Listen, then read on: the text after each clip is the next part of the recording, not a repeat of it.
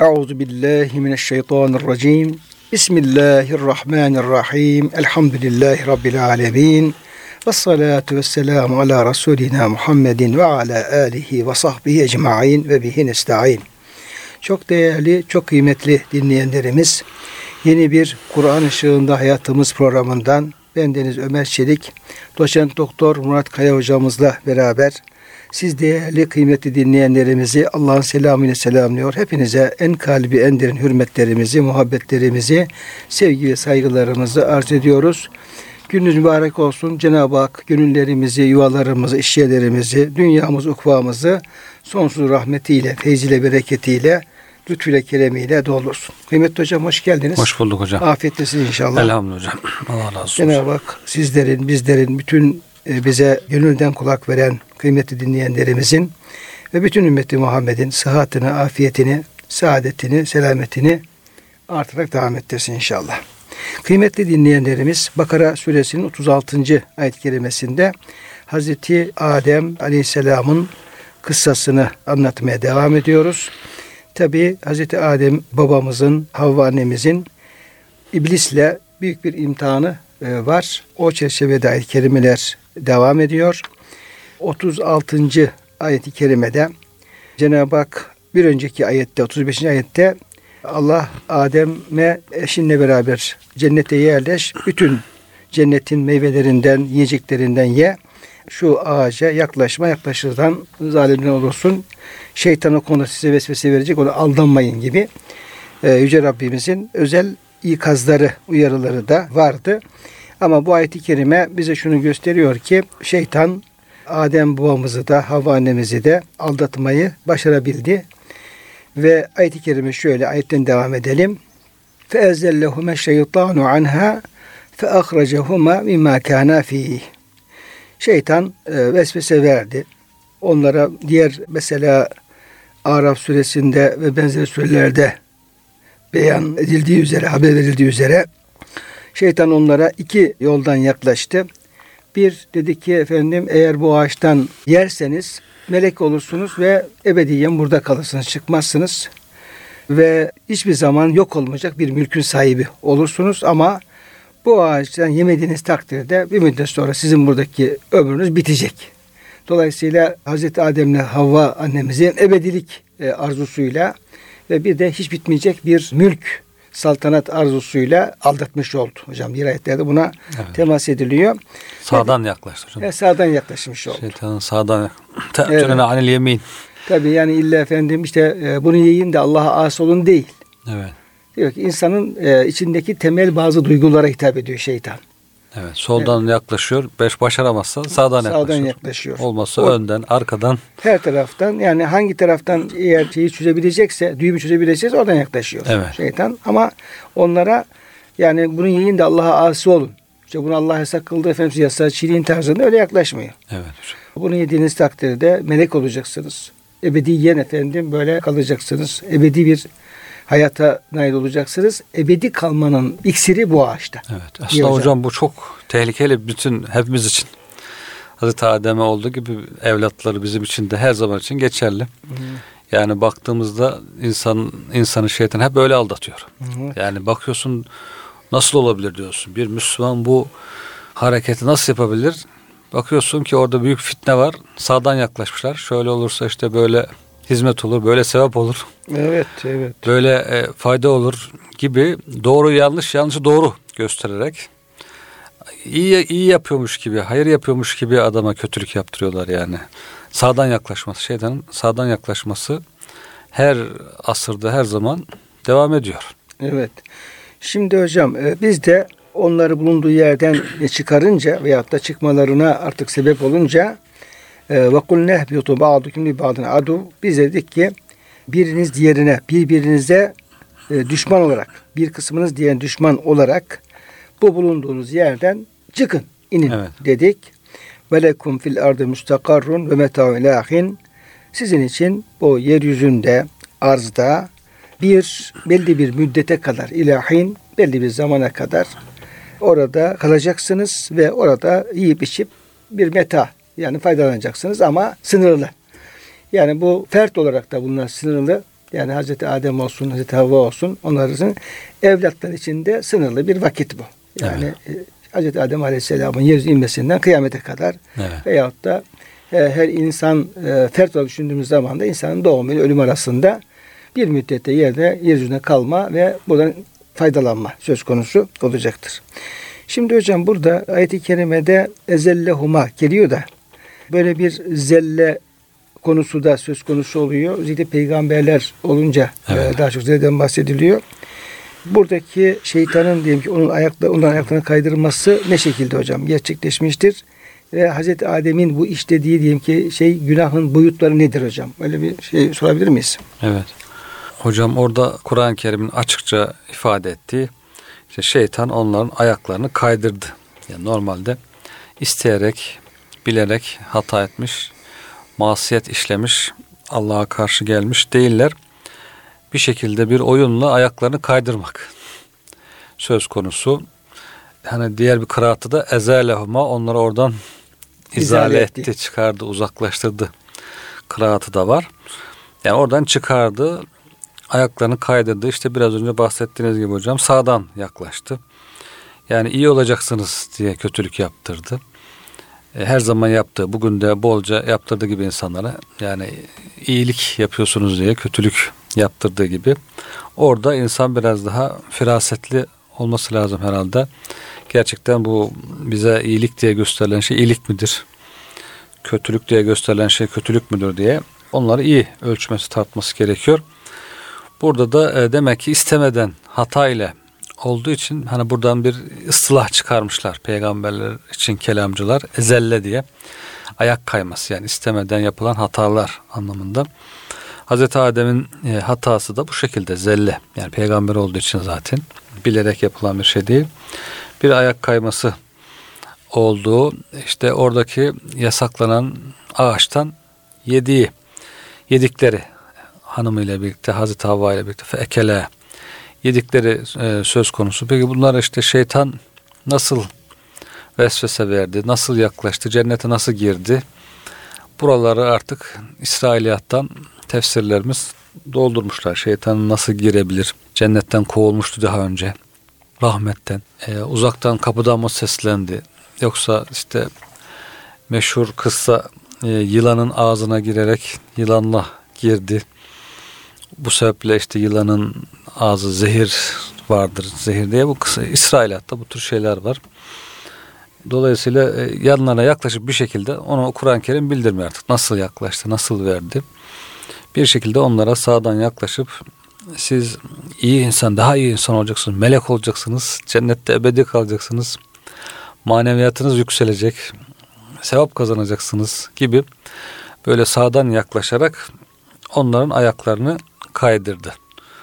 Ve yeryüzüne de inerken hani Cenab-ı Hakk'ın birbirinize düşman olarak inin buyurması da işte Hazreti Adem'le Havva ile iblisin birbirine düşman olması. Buna bazı müfessirler yılanı da katıyorlar. Yılan işte insanoğlunun düşmanıdır. Her gördüğü ondan kaçar. İnsan ondan kaçar, o insandan kaçar diye yılanın da insana bir ezeli bir düşman olduğu ifade ediliyor bu ayetten hareketle. Dolayısıyla insan onu zararlı olduğu için öldürebiliyor. Ama işte ev yılanlar için diyorlar Peygamberimiz Medine'de Müslüman cinler vardır. Yılan kılığında olabilir. Onları hemen öldürmeyin. Ey Allah'ın kulu buradan uzaklaş git diye üç gün ona mühlet verin. Müslümansa gider değilse ondan sonra öldürebilirsiniz diye. Bu tür e, şeyler de var. İnsan işte Adem Havva'ya düşman, Havva Adem'e düşman. İblis ikisine de düşman.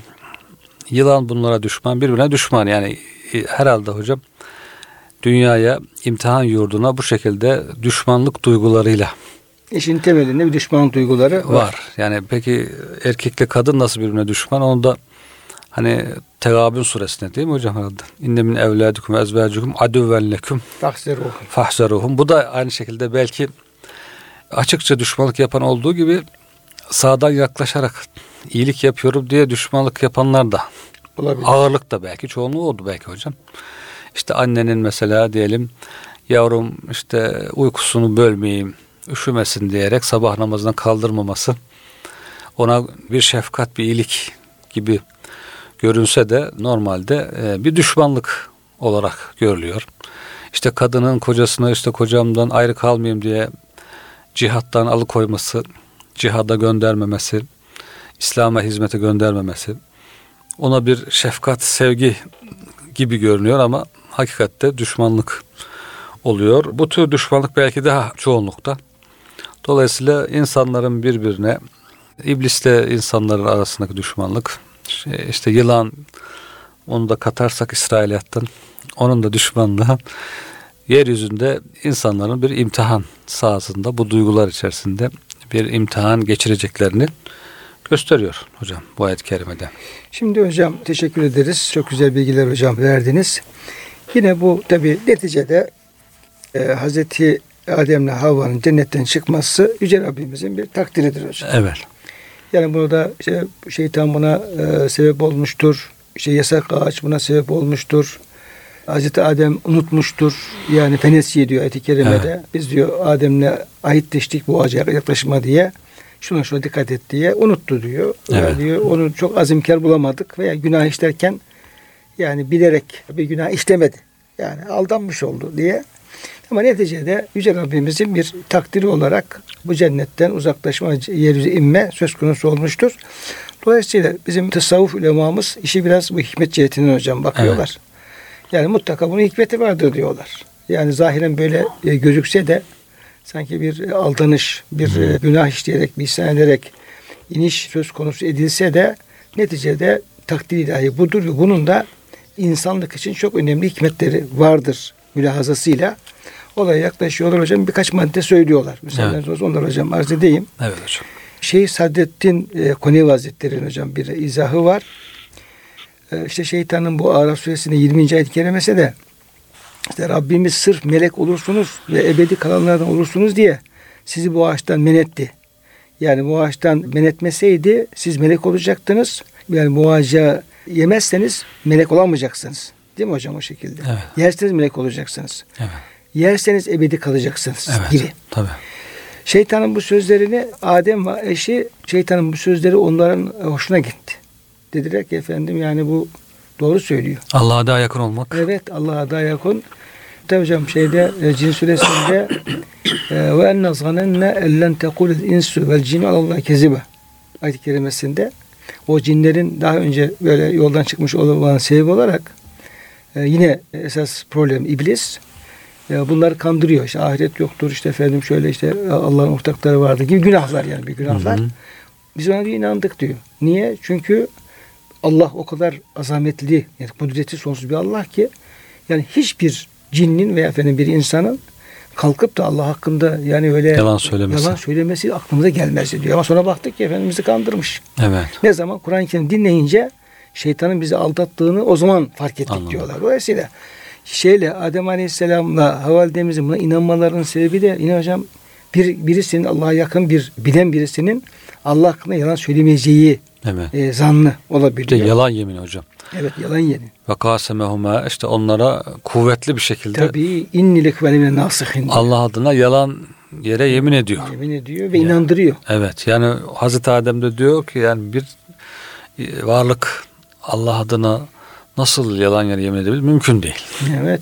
İlk insan olduğu için tecrübe yok. Tecrübe hocam tabii her ilk tecrübe hocam. Evet, evet. ilk tecrübe evet. yani şimdi olsa oho havada uçuyor yalanlar, yeminler, vaatler ama hiç. Ama ilk yemin belki. Evet. Yani şey, İblis de belki ilk yemin orada yapıyor. Evet. Hazreti Adem'in ilk yeminini yemin orada duyuyor Allah adına.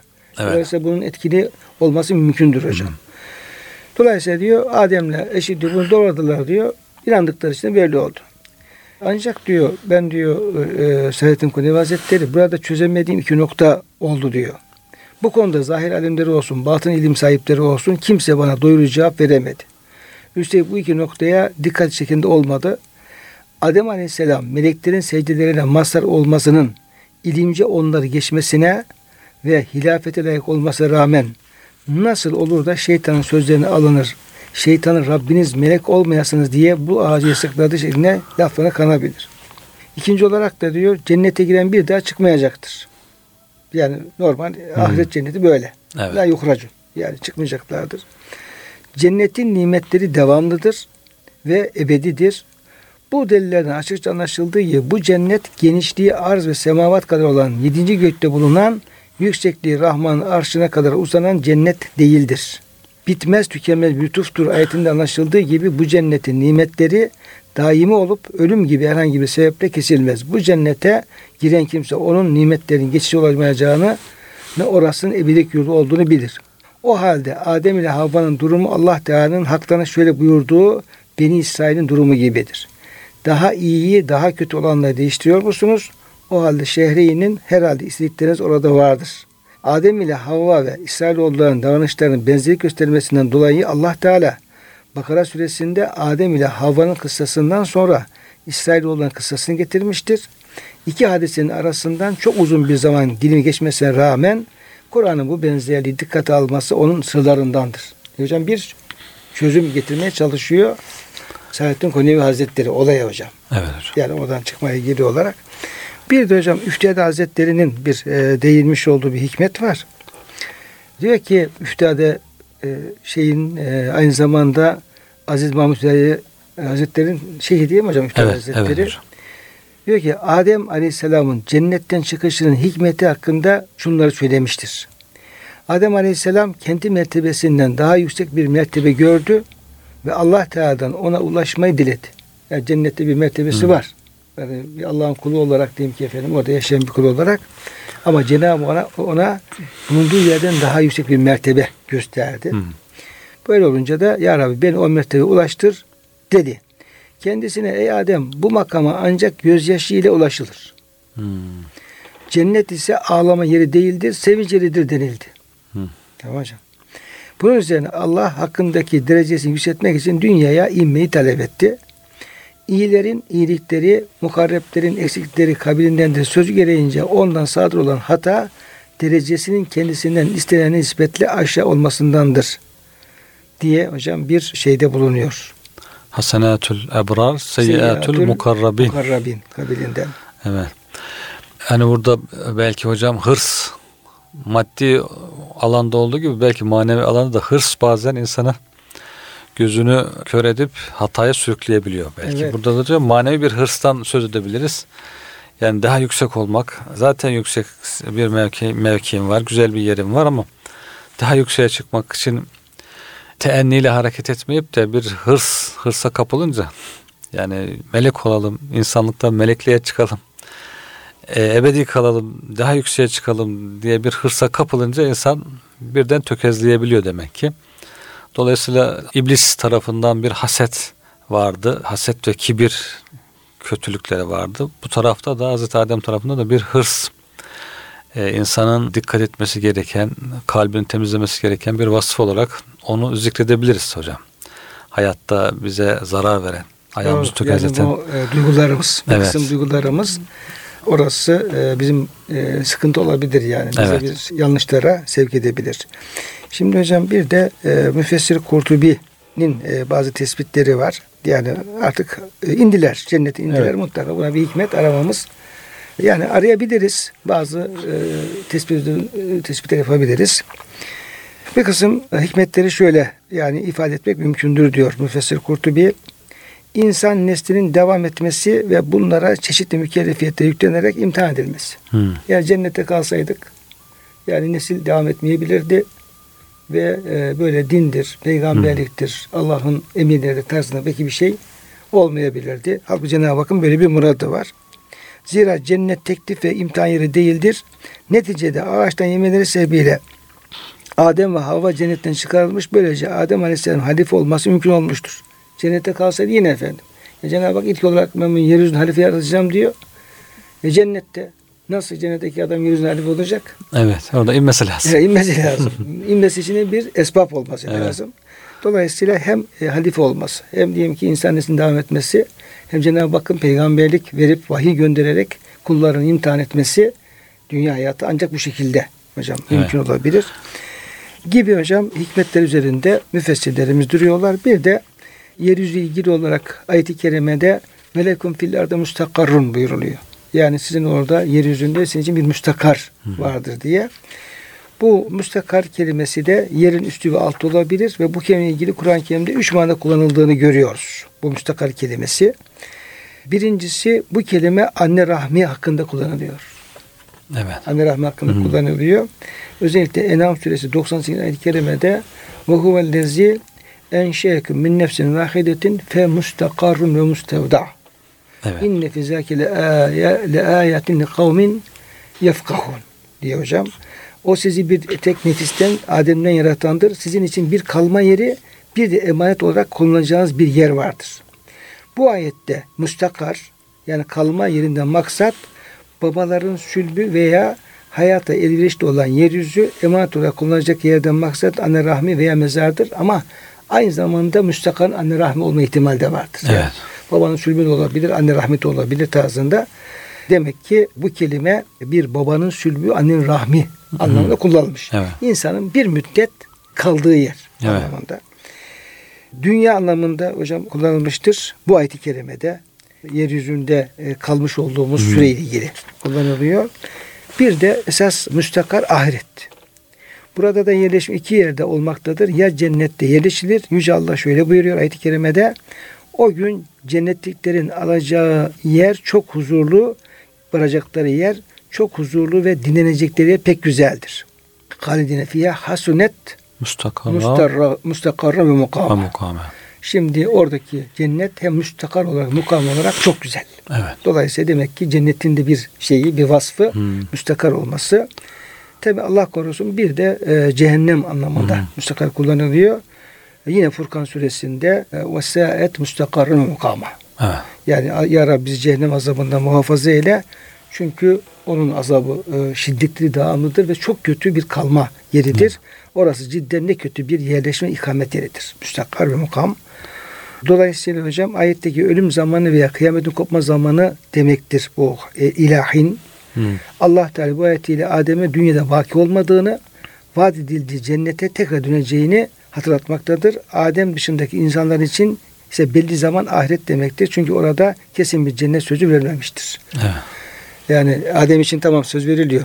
Ve kalacaksın, döneceksin ama evlatları için Kesin ya dönersiniz veya dönmezsiniz. Size kalmış diye. Böyle bir hocam şeylerde e, müstakil ilgili müfessirlerimiz bu izahlarda hocam Yolcu yani insan bir yolcu hocam. Yolda giderken zaman zaman biraz yol alıp biraz istikrar bulduğu, karar bulduğu e, yerleştiği yerler oluyor. Bu mola yerleri gibi herhalde.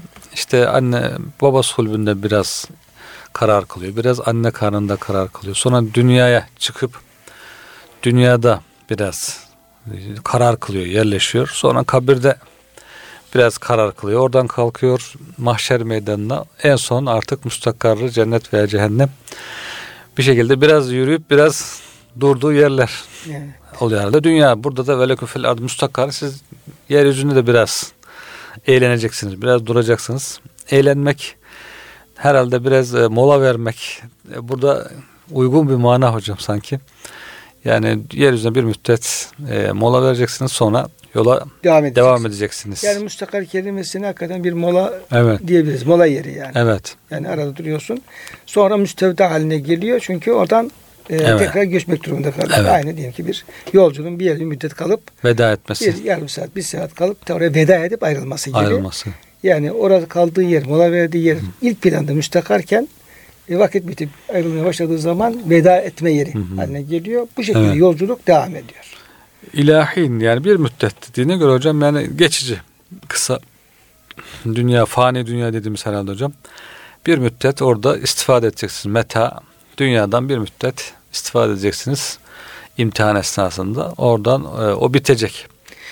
Hocam o müddeti de Cenab-ı Hak başka ayet-i kerimelerde yani ahiret penceresinden dünyaya baktığımız zaman veya Evet. Cenab-ı Hakk'ın nazarıyla dünyaya baktığımız zaman burada e, Cenab-ı Hak oradaki insanları konuştuğu ne kadar kaldınız Hmm. diyorlar.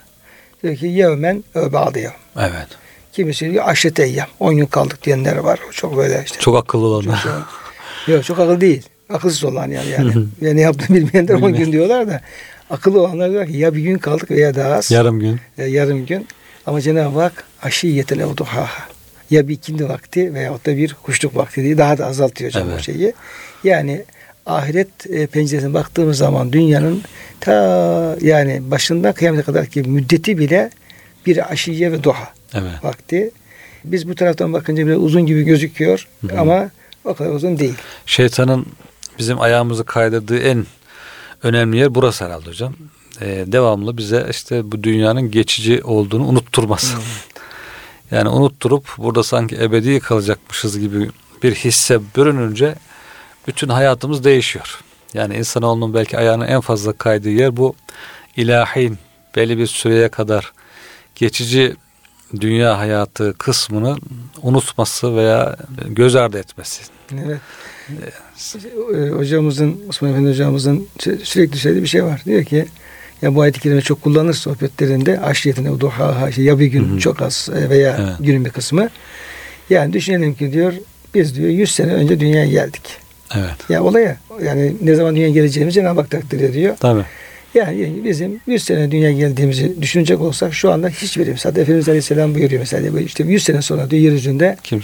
şu yaşayan kimse kalmayacak. Evet. İstisna olabilir ama yani hadis-i şerif o şekilde Hı. olabilir ama istisna kaydı bozmaz. Tabii. Diyelim işte diyelim 8 milyar insan var yaşıyoruz şu anda. Diyelim 100 sene sonra kimse kalmayacak desek de işte bin kişi kalsa o bin kişinin kalması şey o kaydı değiştirmez yani Tabii. öyle.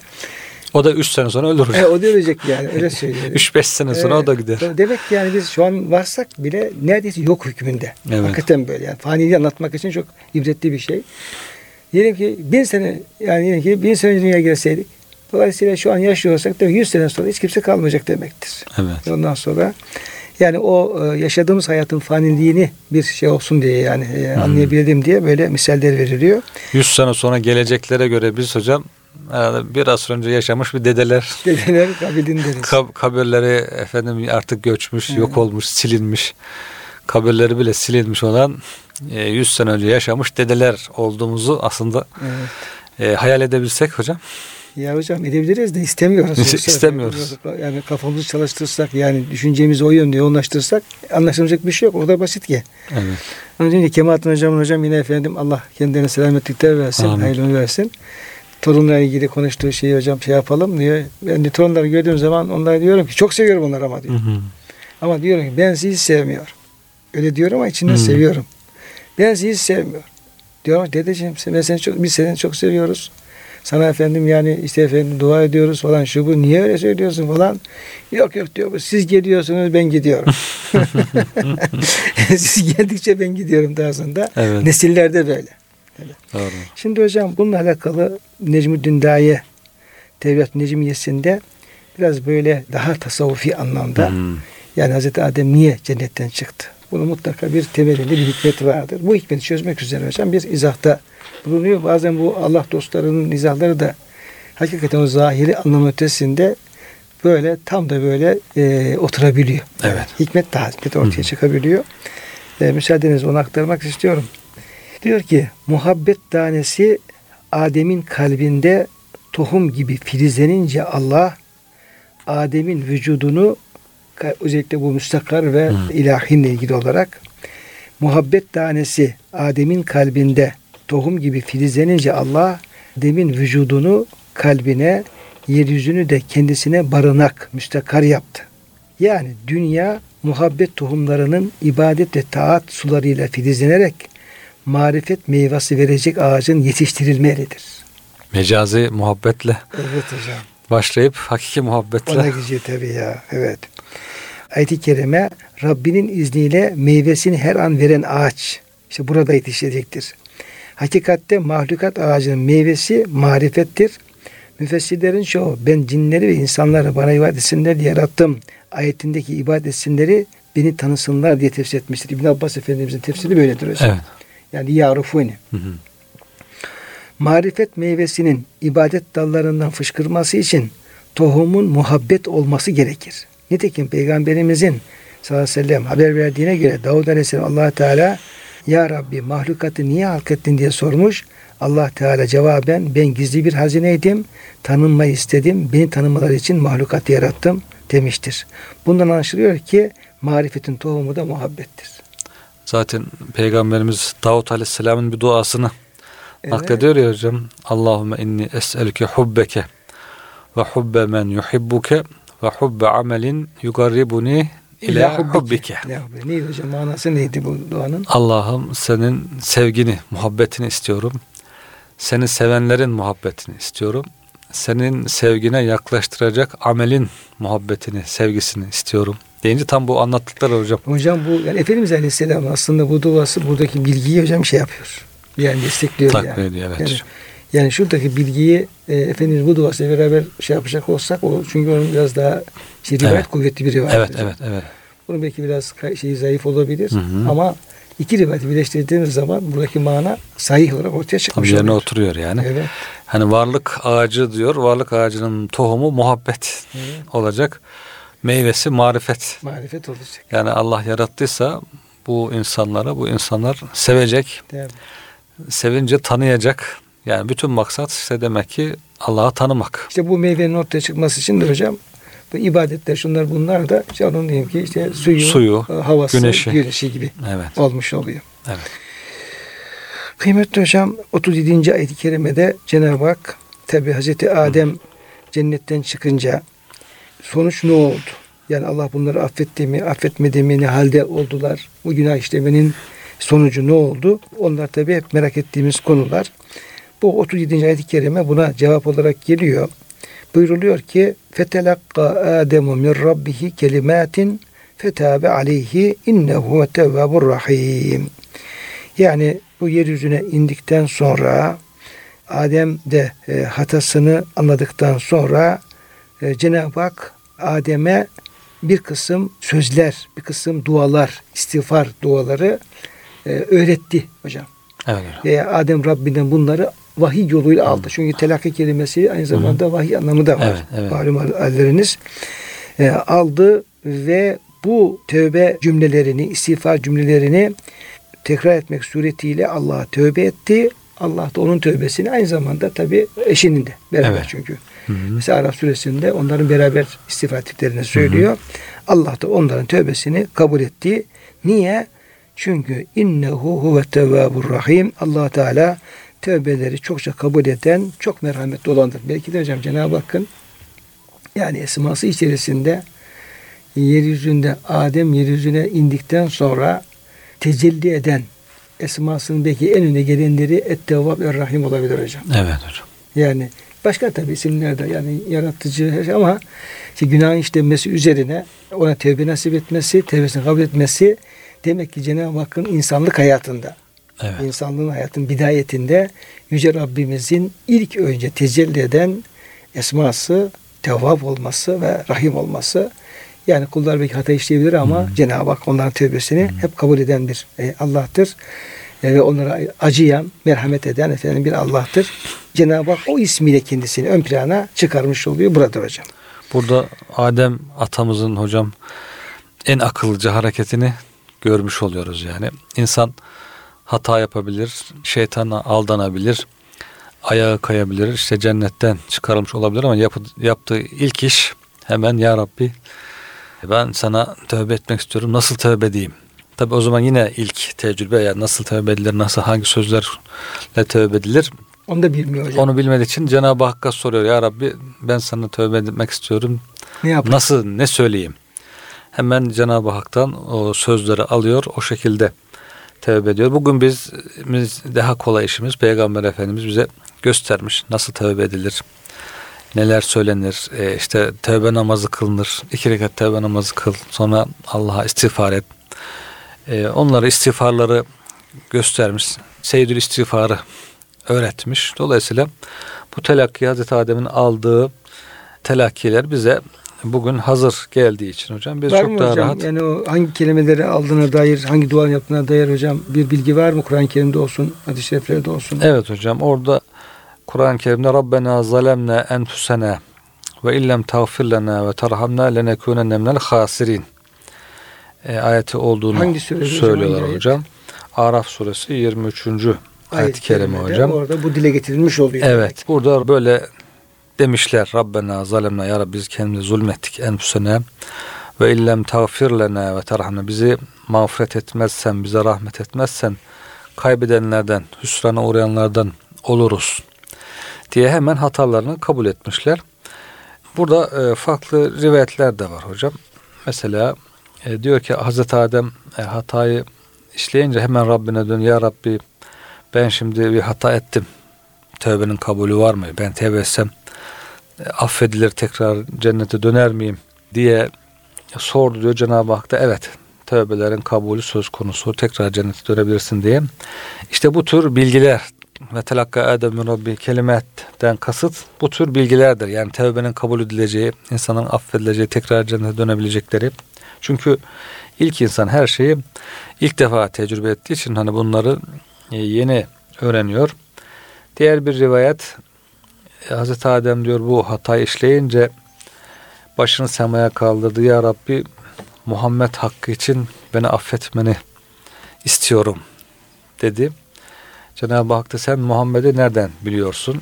E, diyor ki ya Rabbi tebarek esmu senin ismin yücedir ya Rabbi. Beni yarattığın zaman arşa baktım. Arşta La ilahe illallah Muhammedun Resulullah Yazıyordu. yazıyordu. Anladım ki e, sen yani senin katında kadri yüce olmayan bir insanı böyle isminle beraber yazmazsın. İsminle beraber yazdıysan La ilahe illallah Muhammedun Resulullah mutlaka senin yanında çok şanı yücedir. Onun için diyor onunla tevessül ettim diye bir rivayet. O zaman Cenab-ı Hak da o diyor peygamberlerin sonuncusudur. Senin zürriyetinden gelecek. O olmasaydı mahlukatı yaratmazdım buyurdu diye işte zayıf olduğu söyleniyor bazı bazı tarafından bazı tarafından bilgi olarak doğrudur. Bilgi olarak doğru olduğu söyleniliyor. O şekilde tartışmalı bir rivayet ama peygamberimizin hürmetine e, Hazreti Adem'in e, Allah'a tevessülde bulunarak istiğfar ettiği peygamberimizin hürmetine e, salavat getirerek zaten dualarımızda bizim salavat şarttır. Hamdele salvele. Tabii. Önce Allah'a hamd, tesbih, hamd, tesbih, salva, salavat getirir. Ondan sonra dua ederiz. Dua ederiz. Duanın kabul şartlarından birisidir. Hele iki salavat arasında alınırsa dua, başında bir salavat, hamd salavat, sonunda bir salavat olursa daha çok makbul Duaya olacağı makbul ifade ediliyor. Çünkü diyor salavat makbul duadır. İki makbul dua arasındaki diğer duada onların hürmetine kabul edilir diye. Bu da Hazreti Adem'in bu bahsettiği bu tevessülünü destekleyen bir konu. Bununla ilgili diğer rivayetler de var zaten. Şimdi e, kıymetli hocam bu tabi ayet-i kerime tövbeden de bahsediyor. Ondan Evet. Hazreti Adem'in tövbesi, Hı hı. diğer tövbenin ehemmiyeti. Dolayısıyla verdiğiniz bilgiler çok güzel bilgilerdi ama konu burada efendim vaktimiz e, sona ermiş oldu. Yine kaldığımız yerden devam etmek üzere hocam inşallah. Burada tamamlamış olalım. İnşallah. Çok teşekkür ediyorum verdiğiniz için. Bu duygu düşüncelerle kıymetli dinleyenlerimizi de Allah'a emanet ediyoruz.